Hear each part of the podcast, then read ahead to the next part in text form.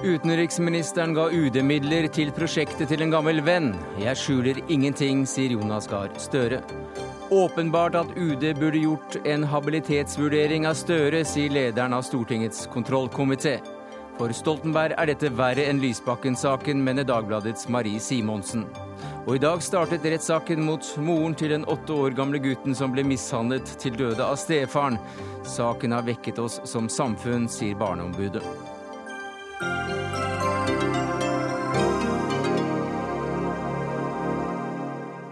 Ja, Det er noen av sakene i Dagsnytt 18 denne tirsdagen, der vi også får med oss at prins Charles og Camilla er på norgesbesøk for å feire at dronning Elisabeth har vært dronning veldig, veldig lenge.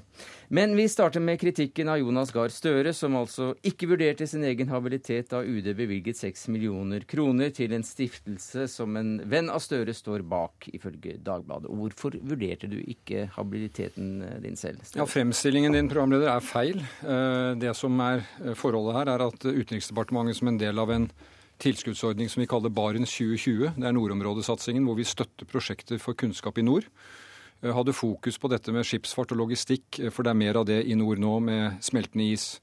Eh, og som et ledd av kontakter mot skipsfartsnæringen, så kom det en søknad fra Norges Rederiforbund til Utenriksdepartementet om å støtte opprettelsen av et senter for såkalt nordområdelogistikk. Det var en god søknad, og den fulgte også det prinsippet om at når vi gikk inn med offentlig støtte, så bidro også næringen med tilsvarende støtte, et privat-offentlig samarbeid. Slik at det jeg fikk på mitt bord, var en søknad fra Norges Rederiforbund. Det var en god søknad, og den ble innvilget. Det er uh, fortellingen. Uh, det som Dagbladet slår opp, er da at uh, i rederinæringen så er dette prosjektet også støttet fra et rederi, hvor lederen av det rederiet er en person jeg har kjent i mange år. Det har ikke jeg lagt noe skjul på. Men det er altså ikke bevilget penger fra UD til en stiftelse tilhørende denne personen. Eh, Felix Tschudi. Det er bevilget penger fra UD til Norges Rederiforbund til et veldig godt prosjekt som har vist seg også veldig nyttig siden 2008. Men i denne søknaden for å ta dette her som vi har her fra Norges Rederiforbund, så det eneste eh, navnet som er nevnt utenom Norges eh, Rederiforbund selv, det er jo Trudy Shipping Company, som har tatt initiativet, som det står i søknaden, til å utvikle dette prosjektet, som altså da fikk seks millioner kroner. Så eh, at det var eh, din gamle venn Trudy som da sto, sto, bak som initiativtaker, det var jo ikke noe hemmelighet for Nei, Men det er også feil. Altså, eh, Rederiforbundet har jo sagt flere ganger i dag at over flere år så har de arbeidet for å løfte kunnskapen rundt logistikk. De har finansiert en lang rekke professorater rundt om. Og så ønsket de å vie fokus mot nordområdene. Og Rederiforbundet, slik jeg forstår det, inviterte inn Trudy Shipping, som er en aktør i nord, om de ville være med å finansiere et sånt prosjekt. Og så søkte de Utenriksdepartementet om støtte. Og I denne eh, støtteordningen så har vi lagt vekt på siden 2005, jeg sa det en måned etter vi kom i regjeringskontorene, vi ønsker offentlig-privat samarbeid. Og etter hvert så har vi også ønsket slik at når vi bevilger en krone, så får vi også en krone fra et annet hold. En fem-seks prosjekter i Barents 2020 er på den måten. Professorater i energistudier i Stavanger, i romteknologi eh, i Tromsø og en del andre.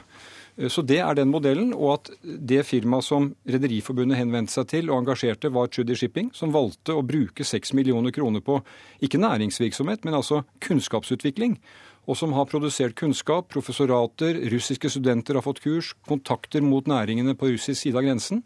Eh, det er et godt prosjekt. Eh, jeg mener det er veldig bra. Vi trenger mer av det.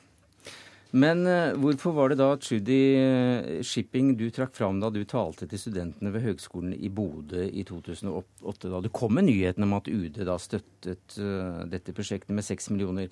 Da nevnte du altså rederiet Trudy, ikke Rederiforbundet. Og. Trudy fikk også en kopi av UDs brev om at pengene var bevilget. Så at Trudy har vært sentral i denne prosessen, Helt åpenbart. det er vel helt åpenbart. Ja. Og at du da sier at du forholder deg til rederiet og punktum finale Ser du at det kan virke litt hult? Ja, altså Sånn som det fremstilles i dag, så ser jo det vinkles i den, vei, i den ja, veien. Det jeg, sier, ja, jeg skal forsøke å svare på det. Mm.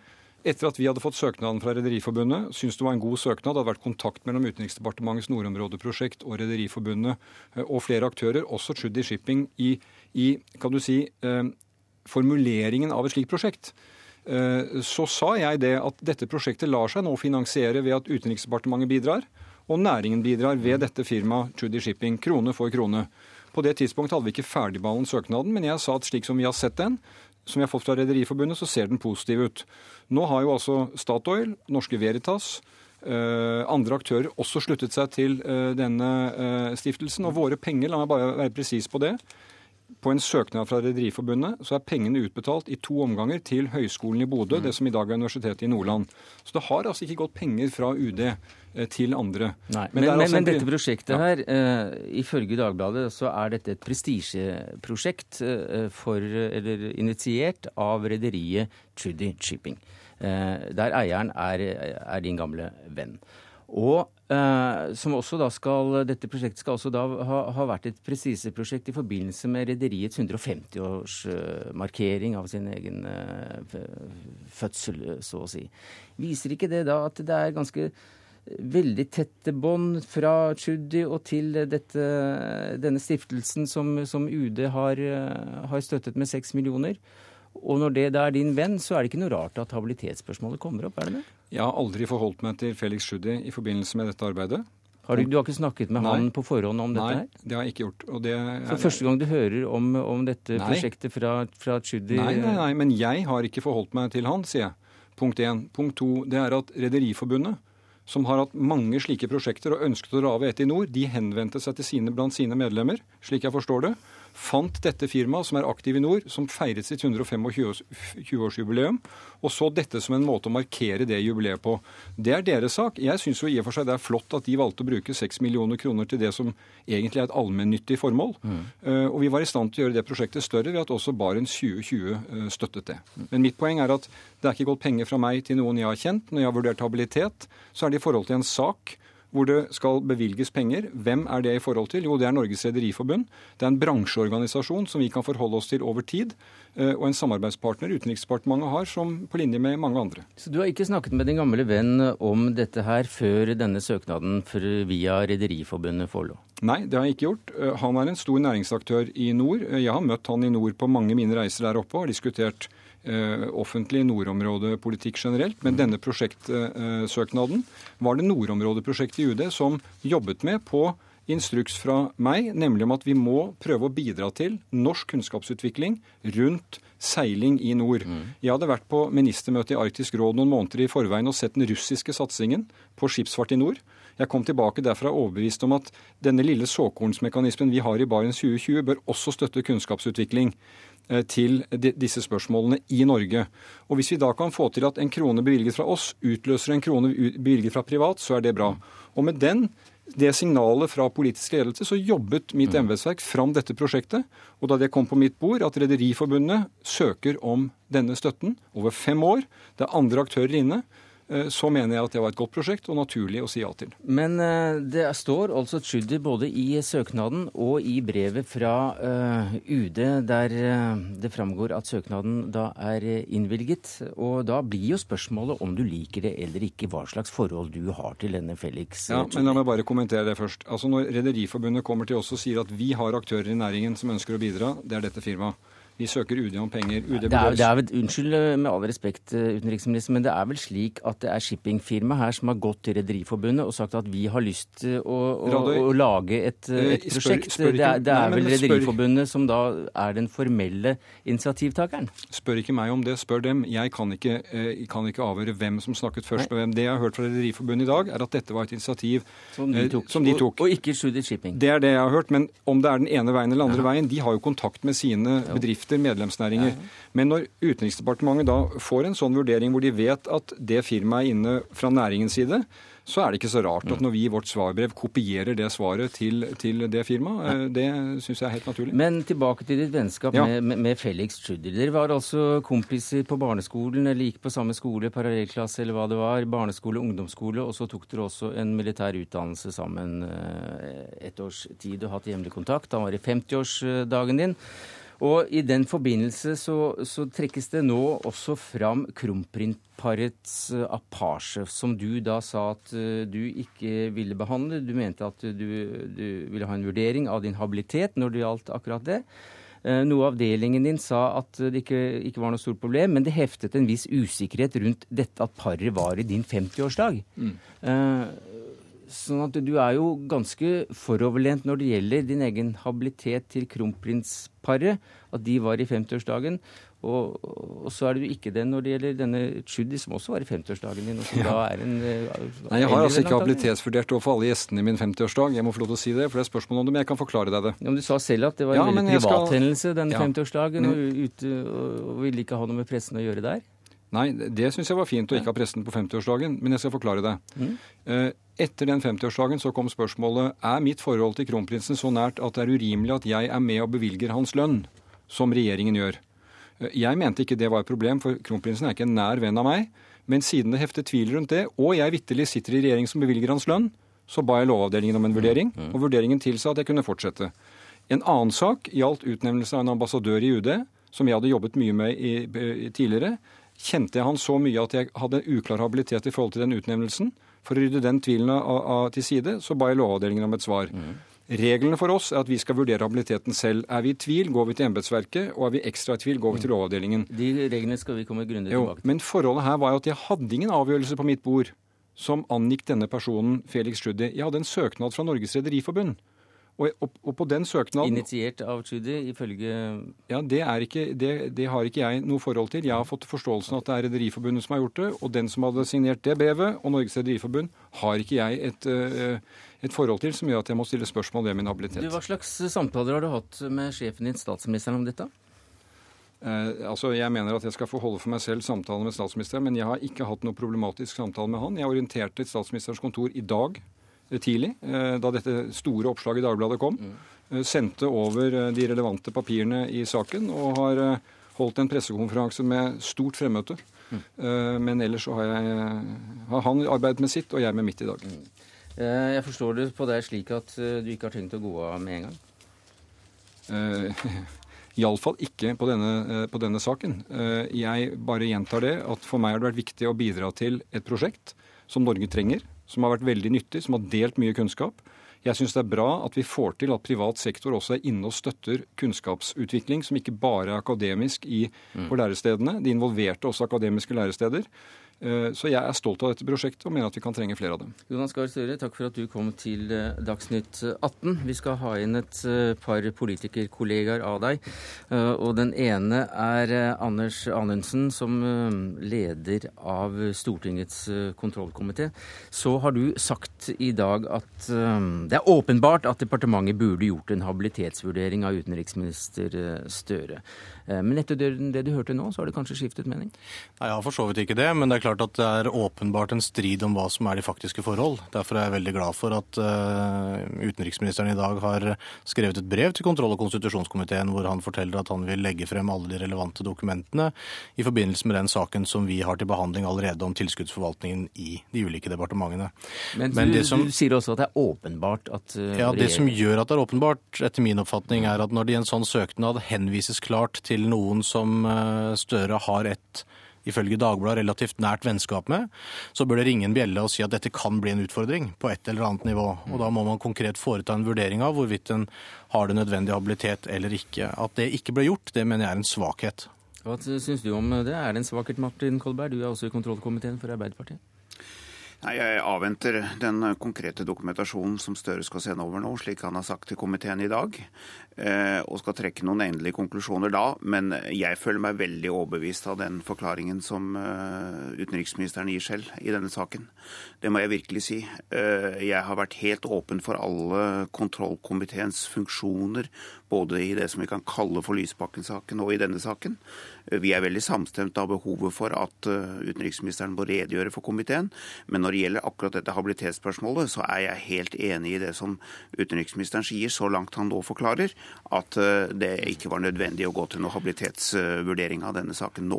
Det som er litt interessant i disse sakene, er jo at de ofte får en egen dynamikk og utvikler seg, og det kommer frem nye opplysninger underveis i en prosess. og Det betyr at en alltid må ta høyde for at det kan komme nye opplysninger. Og så forstår jeg at eh, Martin Kolberg må innta en litt mer forsiktig holdning til eh, dette enn det jeg kan gjøre. Jeg, og jeg er selvfølgelig enig i at vi skal få alt på bordet og undersøke dette grundig og nøye. Men det som gjør at jeg mener det er nødvendig å ha et, ha et særskilt fokus på habilitet, er at det er grunnlaget for at vi skal ha tillit til de beslutningene som tas i forvaltningen. Og det er helt åpenbart at de forholdene som pekes på av Dagbladet i dag, svekker den tilliten til forvaltningen. Og det er i seg selv et alvorlig problem. Og hvis det kan unngås gjennom at den har ordentlige og tøffe rutiner i forhold til habilitetsvurderinger, så bør man tilpasse seg det.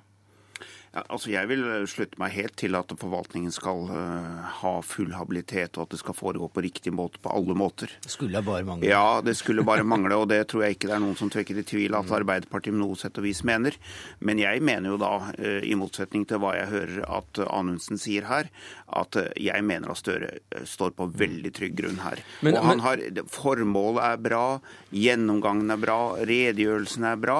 slik at det å forsøke nå, så vidt det er er, riktignok forsiktig og litt med litt akademisk ordbruk fra Anundsens side, å liksom antyde at dog er det her nå såpass mye mistenkelig at her er det ikke helt bra, det syns jeg faktisk ikke han skulle men, gjøre. fordi Nei, dette er litt viktig. Det er litt uviktig. Men nå gjør Kolberg noe som er ganske farlig, nemlig. Nei, men jeg, jeg det er det at vi er veldig enige om behovet for kontrollering i komiteen. Vi er veldig samstemt om det.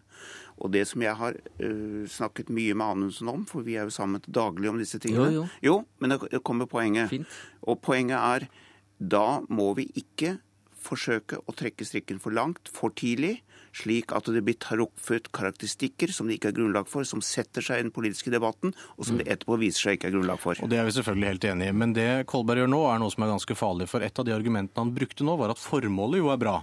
Og da skal man på en måte være litt forsiktig med kritikken. Og det er en helt feil tilnærming. Det er ingen som er uenige om at formålet er bra. Eh, men også når formålet er bra, så må man være helt trygg på at saksbehandlingen også er god. Og Det er det som er avgjørende her. Og Jeg tar ikke stilling til hvorvidt eh, Støre er habil eller inhabil. Eh, det har ikke vi noe grunnlag for å gjøre basert på det som står i Dagbladet. Men, men det som er viktig om mer dokumentasjon. Og det er det jeg lurer på. At vi har systemene på plass, ja. er det viktige. Du representerer Frp, hvis jeg ikke sa det i begynnelsen her. Men det, det som jeg da lurer på, det er jo hva er det dere egentlig da er ute etter? Hva, hva hadde gjort dette til en alvorlig sak? Ja, Det mener jeg er for tidlig å si, for vi må jo se på den dokumentasjonen som faktisk foreligger. Det jeg mener Men, kan tendere til alvorlig. Hva, hva, i materialet er dere egentlig ute etter? Ja, Det som er alvorlig etter min oppfatning, er at man da, når man ser at her kan man komme i en habilitetssituasjon fordi det er en uh, nær venn eller en venn uh, involvert, at man da ikke foretar en konkret habilitetsvurdering. Det er det jeg mener er det kritikkverdige om noe. Foreløpig så vet vi ikke hvorvidt dette er mer kritikkverdig, for da må vi først få alle kort på bordene. Utgangspunktet er at denne regjeringen ved flere tidligere anledninger har hatt store utfordringer knytta til habilitetsspørsmålet. Det har vært etterfølgende habilitetsvurderinger av fiskeriministeren, landbruksministeren, flere involverte. Og det skaper grunnlaget for at en kan mistenke at, ikke eh, at man ikke er tilstrekkelig oppmerksom på habilitetsutfordringene. Og oppslaget i Dagbladet i dag tyder jo også på det, uten at jeg skal gå god for innholdet i det, for vi hører at det er to veldig ulike historier som fortelles. Ja, Den måten som Andersen prater på her nå, er et eksempel på det jeg sa uh, når jeg snakket sist. Uh, nemlig uh, vi skal gjennomgå alt. Vi vet ikke helt hva vi er på jakt etter, men det er likevel grunn til mistanke. Altså, Det er der jeg mener at Andersen beveger seg litt ut på Eh, den gale siden i forhold til den funksjonen han har som leder av kontrollkomiteen. Vi må være sikre på hva vi sier før vi uttaler oss om det. Eh, jeg sa i Lysbakken-saken at jeg ville ikke gi det noen karakteristikker før vi eh, kom fram til og visste hva vi hadde med å gjøre. Og jeg syns ikke du skulle gjøre det nå heller. Da syns jeg du skal følge bedre med, for det har jeg faktisk ikke gjort. Nei, men det, det ligger mellom linjene i alt det du sier, Anundsen. Ja, men du kan ikke sitte og tolke det, det jeg sier, du får høre på det jeg sier. Nei, jeg, dette aksepterer jeg ikke, eh, rett og slett. Og du sa i stad ja, gjør Kolberg noe som er veldig farlig, nemlig å nevne det med formålet. Jeg sa det bare i en sammenheng, og da blir det straks utnyttet i en politisk argumentasjon. Det er her må vi som medlemmer av Stortingets kontroll- og konstitusjonskomiteen være veldig nøye og skikkelige nå. Vi er enige om kontrollen, vi er enige om brevet, vi er enige om at statsråden må legge fram alle dokumenter. Så skal vi gjøre en vurdering. Men å trekke konklusjoner og gi karakteristikker på et så tidlig tidspunkt på et løst grunnlag, det syns jeg ingen av oss skulle gjøre. og Det er det som er poenget. Og Det må du få lov til å mene. Og så må jeg få lov til å mene at jeg mener det er naturlig at en statsråd som ser at en nær venns uh, selskap er involvert i en prosjektstøttesøknad, uh, får en uh, liten varselblink som sier at kanskje jeg burde be om embetsverkets vurdering av hvorvidt jeg er inhabil eller ikke. Så ville han sluppet alt dette. Regjeringen ville sluppet alt dette. Og vi ville som demokrati stått oss bedre fordi vi hadde sluppet den usikkerheten som faktisk skapes gjennom Dagbladets oppslag, rett eller urett. Hvordan skal denne saken nå bringes videre inn i Stortinget, Anundsen? Ja, dette vil bli en del av den uh, saken som allerede ligger til behandling i kontroll- og konstitusjonskomiteen, uh, hvor vi har bedt om en gjennomgang av tilskuddsforvaltningen i alle departementer. Uh, så det blir også... ikke en egen Støre-sak, så å si, for dere? Nei, det kan jeg ikke se for meg. Jeg syns dette er en naturlig forlengelse og en naturlig del av den saken som allerede er i gang. Mm. Og vi har også, som jeg nevnte, fått et brev fra Støre i dag, hvor han bekrefter at han vil sende over all relevant dokumentasjon. Takk skal du ha, Anders Anundsen, stortingsrepresentant for Frp og Martin Kolberg, stortingsrepresentant for Arbeiderpartiet. Det var politikerne så langt. Nå skal vi få inn noen som kan eh, snakke friere om dette med habilitet, og da med eksamener i det. I hvert fall noen av dem. Petter Gottschalk, du er professor ved Handelshøyskolen BE. Hvordan vurderer du denne saken? Nei, Den får jo nå sin egen dynamikk. I første omgang så er det jo helt klart at uh, habilitetsspørsmålet blir altfor lett uh, avfeid. Og, og denne kjappe saksbehandlingen vil også lett avfeid. Og, og, det er veldig mange feil som begås i, i resonnementene nå. F.eks. i inntrykk av at målet helliger middelet. Altså at pengene ble brukt på et veldig bra formål, så da er det ikke så nøye hvordan det skjedde. Så denne saken får nok nå sin egen dynamikk. Hva sier du til det som professor i jus ved Universitetet i Oslo, Eivind Smith? Nei, Jeg er litt enig med Gottschalk. Altså, jeg kjenner jo ikke saken annerledes enn fra Dagbladet og det jeg hørte nå Støre selv si. Eh, og Jeg understreker med det samme at jeg er slett ikke overbevist om at han var inhabil i denne saken. Men, men, eh, det får andre avgjøre senere, for jeg må ta de forbeholdene som følger av at jeg ikke kjenner det så godt. Så kan vi si én ting til, og det var at hvis det skulle være slik at Støre overhodet ikke visste at eh, denne vennen Tjodi eh, eh, hadde noe med dette å gjøre før saken var til behandling i departementet. Da kunne han ikke godt ha bedt om en habilitetsvurdering heller. Hvis han visste at dette var på vei opp, og tidsdimensjonen kan jo tyde på at han visste det, for det var veldig kort etter at han eh, var i Nord-Norge og snakket om dette leddet i nordområdesatsingen. Da er det ikke avgjørende om Støre selv avgjorde saken, for det er en nokså grunnleggende regel som embetsverket kjenner veldig godt, nemlig at hvis sjefen er inhabil, feil, så kan heller ikke folk lenger ned i systemet avgjøre saken. Og Det i seg selv kunne vært en god grunn til å få habiliteten vurdert. Men eh, kan du ganske kort forklare oss uh, igjen, eh, vi, vi, lærte noe av det under Lysbakken-saken, men igjen, hvordan er det disse habilitetsreglene egentlig er? Altså Det grunnleggende er en form for etisk prinsipp som gjør at du skal opptre slik at når du forvalter fellesskapets midler, og det er det det er tale om, om her, mm. at tilliten til din upartiskhet, som det heter, tilliten til demokratiet, om du vil, tilliten til at våre sentrale politiske ledere ikke uh, går venners eller for den saks skyld egne uh, ærender, at det bevares. Og Slik saken har kommet ut i offentligheten nå, så er det veldig lett å se i hvert fall i ettertid at hadde man foretatt en vurdering i forkant, så ville sprengkraften vært mye, mye mindre. Men, men hvem er det som da skal øh, forklare eller beregne eller vurdere denne habiliteten? da? Støre sa noe helt riktig, uh, flere ting sikkert, men i hvert fall én ting riktig som jeg nå festet meg ved. og Det er at det er hans primæransvar å vurdere sin egen habilitet.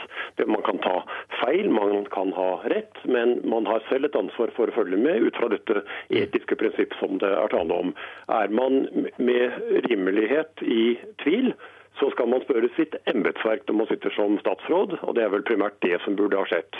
Man skal ikke nødvendigvis spørre Justisdepartementets lovavdeling, for, for, de sitter der som en slags sånn ressurs lenger borte i, i, gangen. ikke sant? Og skal ikke trekkes inn i tide og utide. Men uh, det kunne eventuelt vært aktuelt, men bare hvis UD selv mente at dette var noe uh, galt. Det Det er liksom saksgangen i, i, dette her. Og jeg mener, som et par av de foregående som har snakket, at det ville vært nokså åpenbart en fordel, i hvert fall i ettertid, men også slik saken, så langt jeg forstår, så ut den gangen, om Støre hadde bedt embetsverket å vurdere dette, slik at han hadde hatt et dokument eller noe å vise til når saken nå hadde eksplodert, og da hadde den kanskje ikke eksplodert. Generalsekretær i Transparency, Guro Slettemark, hvordan vurderer dere Støre-saken slik den har kommet fram i dag i mediene? Ja, For det første så får jeg uh, ta de samme forbeholdene som for så vidt Eivind Smith uh, gjorde. Ja, denne saken kjenner, saken gjennom kjenner vi gjennom Dagbladet. Ja. ja. altså uh, Jeg ville egentlig si meg enig i hva Smith sier, at her burde det kanskje vært gjort en habilitetsvurdering i forkant, nettopp for å unngå den type problemstillinger. det man kan gjøre når habilitetsspørsmål oppstår, er jo nettopp å få noen andre til å vurdere eh, disse søknadene. Og da snakker vi jo heller ikke om eh, for så vidt de, de, gode formålene. Det er ikke noen tvil om at eh, formålene her er gode. Det samme gjaldt jo for så vidt også Lysbakken-saken. Eh, det er ikke formålet vi snakker om, men det er, eh, det er, selve prosessen. Om den har foregått på en upartisk eh, måte. Men dette her blir jo litt innviklet og blir lett en sånn sirkeldefinisjonsaktig øvelse. For det er altså andre som jo på en måte vurderer om du har vurdert eh, habiliteten riktig. Så du må også vurdere om andre kan vurdere din habilitet. Ja, men dette handler jo også om hvordan ser dette ut utenifra. Ja, eh, ja, eh, og det er der man eh, kanskje kommer til kort eh, ved å vurdere seg selv. Ja, nettopp. Så burde ikke andre vært inne ganske jo, ofte men, og vurdert men det er nettopp det speilet kanskje man bør sette opp, da. Ikke sant? Ja. Hvordan ser dette ut utenifra? Er det eh, forklare, uklare lover og regler her, Gortsen? Ja, altså Formelt er det tydeligvis sånn at man bedømmer det selv, eller vurderer det selv. Men det er jo helt naturlig at det embetsverket involveres i det.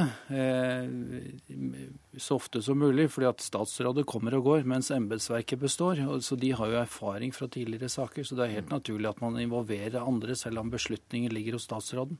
Men her er det nå altså da Stortingets eh, kontroll- og konstitusjonskomité som tar denne ballen eller saken eh, videre. Hva synes du om det?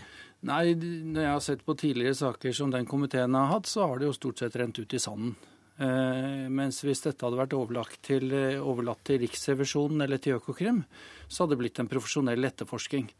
Så både kompetansemessig og arbeidsmessig, ressursmessig, så, så har jeg ikke noe særlig tro på at nok en sak skal havne i kontroll- og konstitusjonskomiteen er altså en sak for Økokrim eventuelt? Ja, Riksrevisjonen eller Økokrim i hvert fall. Og der er jeg veldig skuffet over Økokrim. Skygger alltid banen når det, når det handler om eh, politikere som er involvert i noe. Eh, synes, De er ikke her nå, men det er, heller ikke, det er heller ikke Riksrevisjonen for så vidt. Men hva, hva, slags ekspertise er det de innehar som Nei, De har jo en viss systematikk i å avhøre, eh, sjekke spor, mm. dokumentasjon. altså De er jo vant til å etterforske ting. De skal jo både Etterforsking går jo ut på både å bevise skyld som å bevise skyldfrihet. Og det verste er hvis det bare blir hengende, man vet egentlig ikke, men man kommer ikke videre i saken. Nå, akkurat når du sa dette med at uh, ting renner ut i salen, så er vel ikke det helt riktig. Det var vel akkurat uh, konstitusjonskomiteens stadige uh, pirking bort til Lysbakken som gjorde at den saken til slutt endte slik den gjorde. Men jeg vil tilbake til slutt til deg, Guro Slettmark. for vi er veldig glad for at, at, du kom, og dere innehar en stor ekspertise i dette. Men, men, dere jobber jo også tett mot Utenriksdepartementet. og Du har sittet og kritisert for så vidt utenriksministeren i dag, og sier at kanskje han burde ha bedt om en habilitetsvurdering. Men viser ikke det at vi alle sammen lever i et så lite land at altså, dere får masse penger fra UD, og jeg vet ikke om Gottschall får noe penger fra UD? Han rister på hodet her. Vi får men, ikke noe penger fra UD. Nei, vi har forvalter, avslått en søknad, men det kan vi jo ta en annen gang. Dere forvalter vel eh, en del eh, midler? Nei, vi er en medlemsorganisasjon som stort sett støttes av næringslivet. Mm -hmm. Veldig lite offentlige midler. Mm -hmm. Men når det er sagt, så, så, så, må vi jo på en måte ha et sivilsamfunn også som kan kritisere der hvor det behøves. Altså Det handler jo om en eh, uavhengighet, for så vidt også fra maktapparatet. Så, så det er viktig for Transparency at vi, at vi må kunne være i posisjonen og og Det gjelder for så vidt også våre medlemmer. Mm. Men er, er, vi ikke så lite land at uansett uh, hvem som sitter og styrer og steder her, så, så vil vi måtte til slutt uh, havne opp i å, å gi penger til Jo, det, det er helt sikkert. Eh, Vi er en eh, liten og tett, eh, tett sammenvevd befolkning, og det tror jeg er en ganske stor utfordring i eh, Norge generelt. Eh, Og derfor så er nettopp disse reglene så viktige. At man ikke får eh, partiske og ikke får Mm. vennskap- og kjennskapsavgjørelser. Og det gjelder sentralt, og det gjelder ikke minst eh, på lokalt nivå. Takk skal du ha, Guro Slettmark, generalsekretær i Transparency. Eivind Smith, professor i juss ved Universitetet i Oslo. Petter Gottschalk, professor ved Handelshøyskolen BI. Ja, det var altså da uh, de som snakket om habilitet. Politisk redaktør i Dagbladet, Marie Simonsen. Uh, det er avisen din som har avdekket uh, disse forholdene som vi nå snakker om. Det er årsaken til at vi sitter her. Eh, Hva mener du er alvorlig i denne saken? Det som er alvorlig, er at det reises tvil om, eh, om eh, eh, tildelingen fra UD har gått eh, riktig for seg, ifølge da forvaltningsregler og slike ting. Eh, det som er alvorlig, er at eh, det igjen så kort tid etter Lysbakken-saken skapes et inntrykk av at det tildeles penger til på, på basis av kjennskap og vennskap.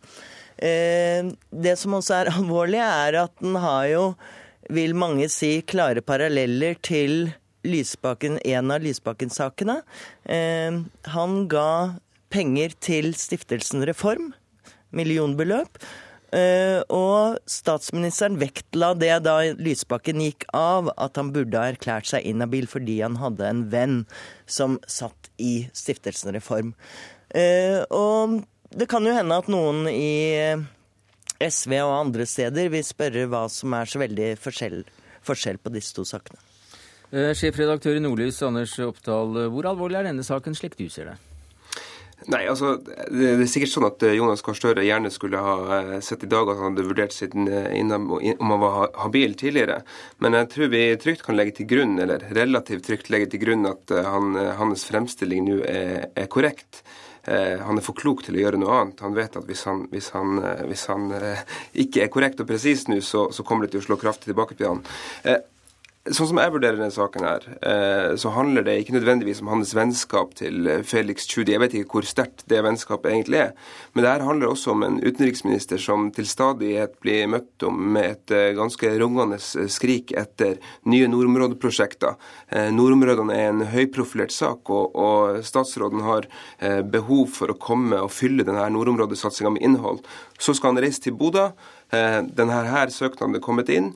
Eh, og da eh, settes det i gang en eh, litt, som det helt riktig fremkommer i Dagbladet, en litt underlig saksbehandling for at han skal kunne ha noe nytt å melde nordpå.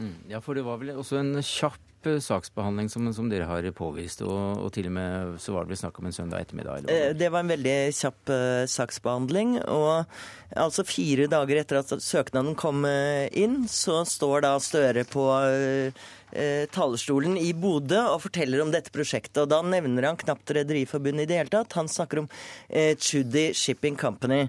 Og det er ingen tvil om at eh, selv om det er eh, Rederiforbundet som formelt har sendt inn denne søknaden, så er initiativtaker, pådriver, sentral person i prosjektet, som også spytter inn eh, seks millioner, er Tschudi og hans selskap. Dette visste ikke Støre.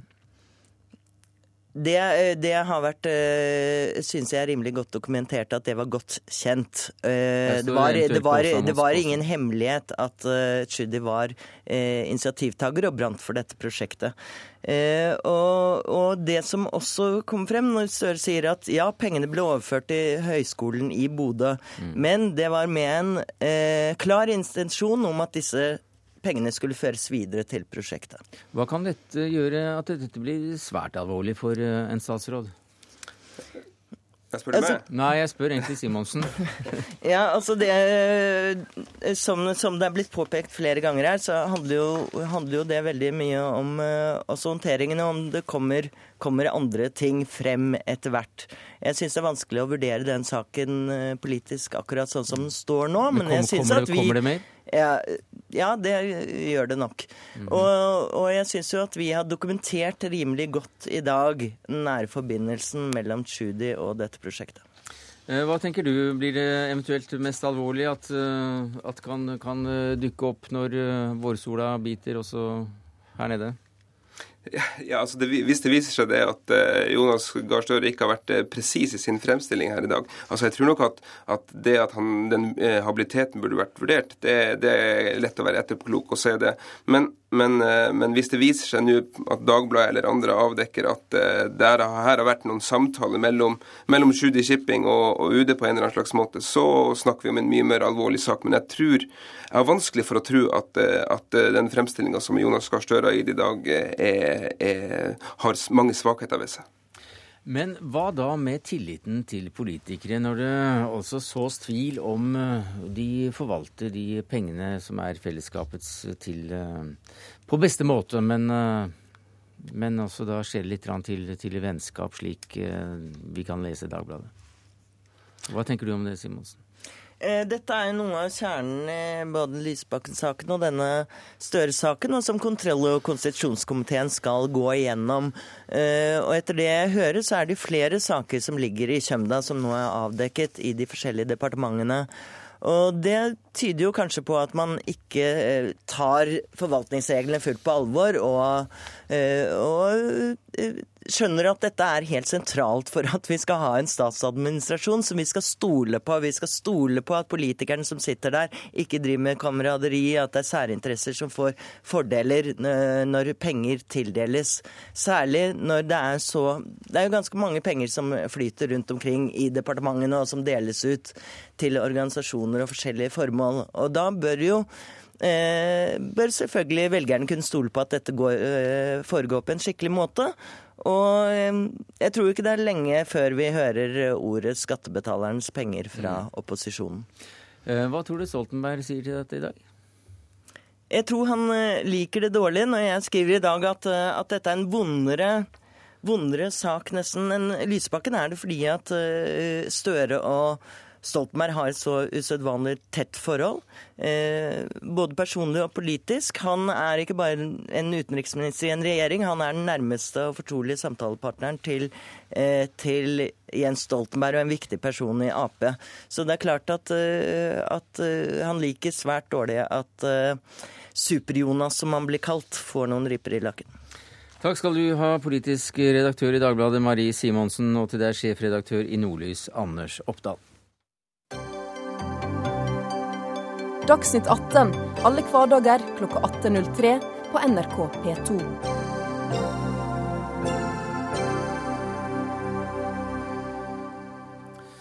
Historien om åtte år gamle Kristoffer Gjerstad Kile som døde i 2005 etter å ha blitt mishandlet av sin stefar, rystet hele landet. Og i dag så startet rettssaken mot moren til Kristoffer. Den 37 år gamle kvinnen står tiltalt for å ikke ha beskyttet sønnen sin. Reporter Aina Innreiten, du har fulgt rettssaken i Tønsberg for NRK i dag. Hva kom fram der? Eh, det aktor la eh, vekt på i dag, var at dette var en rettssak mot moren til Kristoffer, og at eh, dommene mot stefaren ikke skulle ha betydning i denne saken. Og Det som var viktig for aktor å, bevise, er om moren til Kristoffer forsto hva han ble utsatt for. Og ifølge aktor så mener han at Kristoffers mange skader, bekymringssamtalen skolen hadde med, med moren, viser at hun Eh, forsto at han ble utsatt for vold, men at hun unnlot å, å gjøre noe med dette her. Eh, moren hun eh, nektet straffskyld og fortalte i retten at hun var sjokkert da hun fikk den tiltalen. Hun har jo forklart seg to ganger tidligere i rettssakene mot stefaren, men har aldri selv fått anledning til å forsvare seg. Forsvareren hennes la vekt på at hun var forhåndsdømt og at dette var første sjansen eh, hun hadde til å, å, å si hva som var skjedd i forhold til henne, hennes situasjon. Hun har jo fått to barn med stefaren etter at Kristoffer eh, døde. Og I dag så kom det også fram at hun har mistet omsorgen for de to små guttene for kort tid siden. Eh, og Det var ifølge forsvarer pga. manglende omsorgsevne, og ikke, det er ikke noe mistanke om vold i den saken. Og For forsvareren så blir det viktig å vise at uh, hennes manglende omsorgsevne da, kan ha hatt betydning for at hun ikke forsto hva Kristoffer ble utsatt for. Takk skal du ha, reporter Aina Innreiten. Barneombud Reidar Gjerman, du kan ikke snakke, eller vi skal ikke snakke om denne rettssaken som pågår, men du kan snakke om det generelle i, i saken. For til Aftenposten så sier du at når små barn dør, er det alltid forgjeves. Kristoffers sak har likevel vekket oss som samfunn. Hva mener du med det? Vel, altså, Jeg har ikke tall på hvor mange konferanser og nyhetssendinger jeg har vært med på som har omhandlet Kristoffer-saken, enten direkte eller indirekte. Dette har vært en sak som fortalte oss at alle er nødt til å være våkne. Både de som jobber i systemet, altså de som jobber på sykehuset, eller de som jobber i barne- og ungdomspsykiatrien, eller de som jobber i kommunen eller på skolen og overalt, at de er nødt til å være våkne. I tillegg til da bestemødre og, og, andre i familien som er nødt til å følge med på hva det er som skjer, og faktisk handle hvis de er bekymret for om et barn har det bra eller ikke. Og du tror det?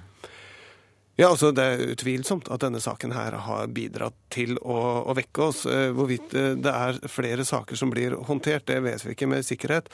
Men det er god grunn til å tro at det er veldig mange flere som rapporterer til eh, barnevernstjenesten nå fra helsevesenet, f.eks. tannlegene, som nå har blitt bevisst sin rolle som avdekker av overgrep. Og også naboer og lærere og slike. De vet nå at de kan være den personen som faktisk betyr en stor forskjell i et barns liv. Hvor viktig blir selve rettssaken?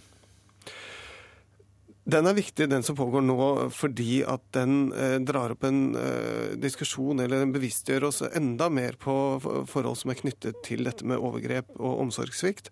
Nemlig det at de som er aller nærmest, er de som kanskje først burde oppdage at det er eh, overgrep eller omsorgssvikt i en familie. Og da er det så enormt viktig at de kjenner sin eh, eh At de vet når de skal, eh, og hvordan de skal handle. At altså Det er jo en del bestemødre og det er mødre av, og det er venninner av mødre og fedre der ute som vet at det foregår vold og overgrep i familier, som, som fremdeles ikke har handlet med det de vet. Og det burde de nå altså gjøre. Dette her eh, bør være en ekstra vekker, nemlig det at det står en tiltalt nå. Mm, for det kan også være strengt forbudt, eller det er vel strengt forbudt å ikke gripe inn? Vel, nå er det ikke slik at det er straffbart for privatpersoner. Men for eh, å ikke gripe inn. Men for alle offentlige ansatte så er det straffbart. Og vi har jo sett at i også denne Kristoffer-saken at eh, en av de som har blitt rettet mest kritikk mot, har jo nettopp vært en assistent i skolen som ikke selv meldte bekymring når hun var bekymret. Og selv om da rektor ved skolen ikke er like bekymret som assistenten, så er det assistenten som har et selvstendig meldeansvar. Og det er veldig, veldig viktig at alle vet eh, meldeansvaret, opplysningsplikten, den er sterkere enn taushetsplikten, og alle har den selvstendig. Men ingen av de involverte partene er her i dag. Men på fredag skal det være et seminar i Tromsø nettopp med utgangspunkt i Kristoffer-saken. Der skal bl.a. du og mormoren til Kristoffer eh, delta. Eh, hvorfor er det så viktig? Vel, altså Dette seminaret handler om uh, vold mot barn. Mm.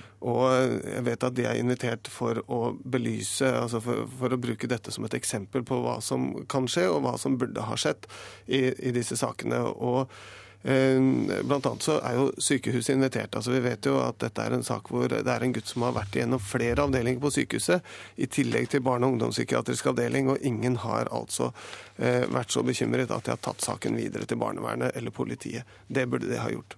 Takk skal du ha, Reidar Gjerman, barneombud.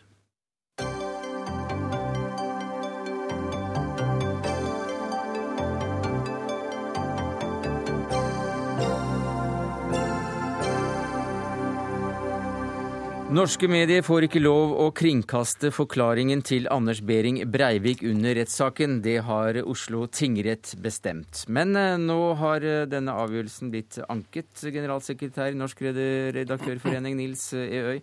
Hvorfor det? Eh, fordi vi syns det er viktig at denne mannen som har begått en av de største forbrytelser i Norge noensinne, han bør folk få lov til å se hva det er for slags uh, figur. Og ikke minst i forhold til at uh, det som kommer til å bli den eneste uh, interessante i denne saken, det er hvor, hvor, hvorvidt han er tilregnelig eller ikke. Hva sier du til det, Erling Moe? Du er avdelingsdirektør i Domstoladministrasjonen. Det er jo slik at det er retten som har bestemt at eh, Breiviks forklaring ikke skal sendes live på fjernsyn og eh, på radio. Eh, og Det har retten gjort fordi at man her har tatt hensyn til at de pårørende og etterlatte vil få en urimelig stor belastning hvis det skal skje. Men nå er det jo sånn at denne forklaringa kommer likevel til å bli referert ganske grundig. Jeg vil egentlig påstå at eh, vi snakker om eh, norgeshistoriens mest åpne rettssak i dette tilfellet. Det blir rekordoppbud av presse, og det vil bli referert eh, grundig. Så det blir ikke lagt noe lokk på Breiviks formidling av Breiviks forklaring, men det vil ikke bli sendt live på fjernsyn og radio. Nei, men det faktum at han skal vurderes om han er tilregnelig eller ikke. Det er eh, helt sentralt i denne saken. Og eh, det er også blitt et politisk spørsmål om hva slags regler vi har på dette området. Det er et faktum at vi i Norge har langt flere eh, utilregnelige forbrytere enn i sammenlignbare land.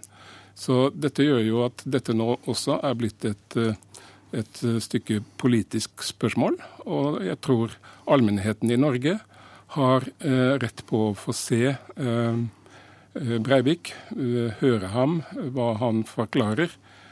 Både med hensyn til hva han har gjort, og hvorfor han framstiller seg som en frelse for Norges befolkning, samtidig som han slakter store, store, deler av oss. Men du hører jo da at eh, de etterlatte er ikke begeistret for tanken at eh, vi skal eh, sende dette direkte, så å si?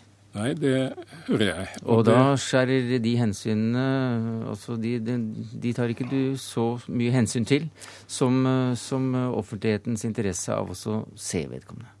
Ja, jeg mener at den allmenne interessen og det er jo den som er bakgrunnen for at uh, retten har tillatt at, uh, at, deler av denne saken i det hele tatt uh, kan mm. formidles. Men hva blir forskjellen da på det, på det Mo sier at retten ønsker, og, og, hva Redaktørforeningen egentlig ønsker?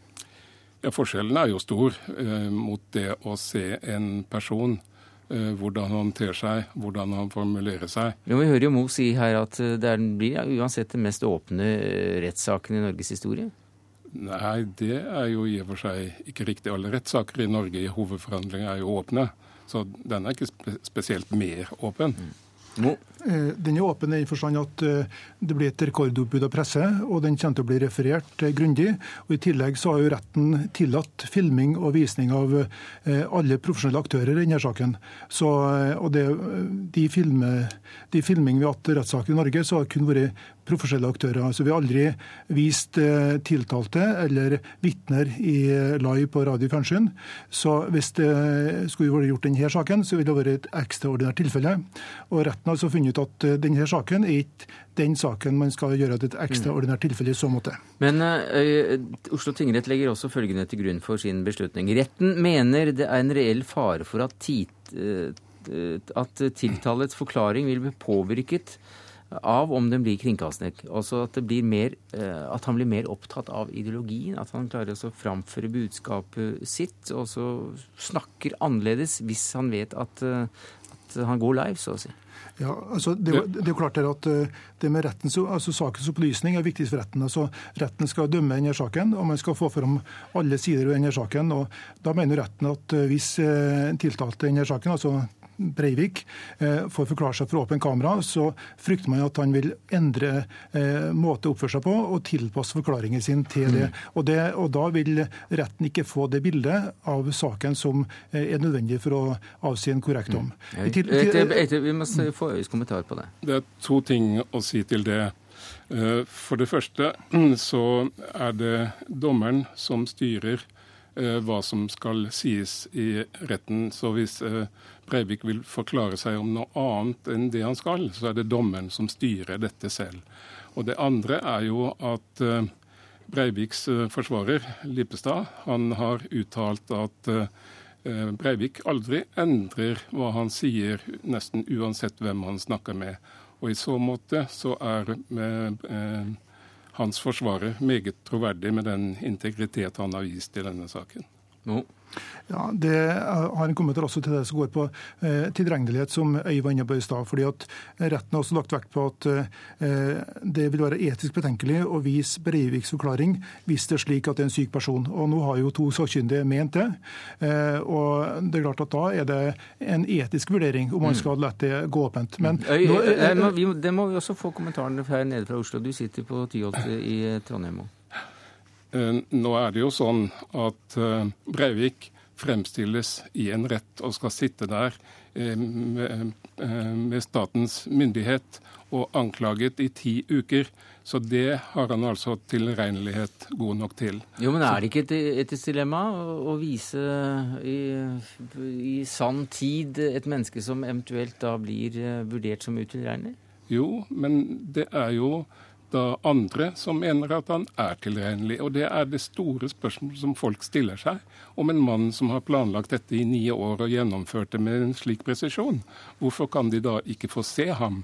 Hva slags uh, figur dette er. Hvordan vurderer du som eh, generalsekretær i Norsk redaktørforening uh, dette opp mot ytringsfriheten som sådan? Dette dreier seg selvsagt om eh, bare én persons ytringsfrihet, og det er jo tiltaltes. Mhm. Men det andre er jo informasjonsfriheten. Eh, retten til å få vite hva som foregår i retten. Mm, og den, eh, den lider under eh, Oslo tingretts beslutning? Ja, hvis man ikke får eh, se deler eh, av den forklaringen som Breivik skal gi, mener jeg det. Mo? Nå er Det slik at eh, det blir ikke lagt noe bånd på Breiviks ytringsfrihet, men det blir lagt et bånd på hvordan media kan bringe det videre. Mm. Eh, media kan jo bringe videre alt Breivik sier i denne saken, men media kan ikke vise det på, eh, på fjernsyn og, og, og, og, sende det på radio. Og eh, Det er fordi at man altså eh, primært eh, tar hensyn til pårørende etterlatte, som vil kunne måtte altså De skal uansett leve med dette i flere år, men de kan også måtte leve med lydopptak og filmopptak som kan vises om og om igjen i i, i, veldig mange år. Og Det er en eh, så stor belastning at retten mener at det ikke rettferdiggjør å sende Breiviks forklaring i media. Mm. Nå er altså denne anken sendt av gårde. Den blir behandlet. Når omtrent eh, er det forventer et svar, eh, Øy? Ja, I løpet av et par uker må vi kunne regne med svar. Og vi mener jo at det lagmannsretten må vurdere, er jo om det er adgang til å ta hensyn til de tingene som tingretten har lagt vekt på fordi det er sakens aktører i rettssalen man skal vurdere i forhold til dette forbudet mot opptak. Takk skal du ha, Nils Eøy, Øy, generalsekretær i Norsk redaktørforening, og til deg, Erling Moe, avdelingsdirektør i Domstoladministrasjonen.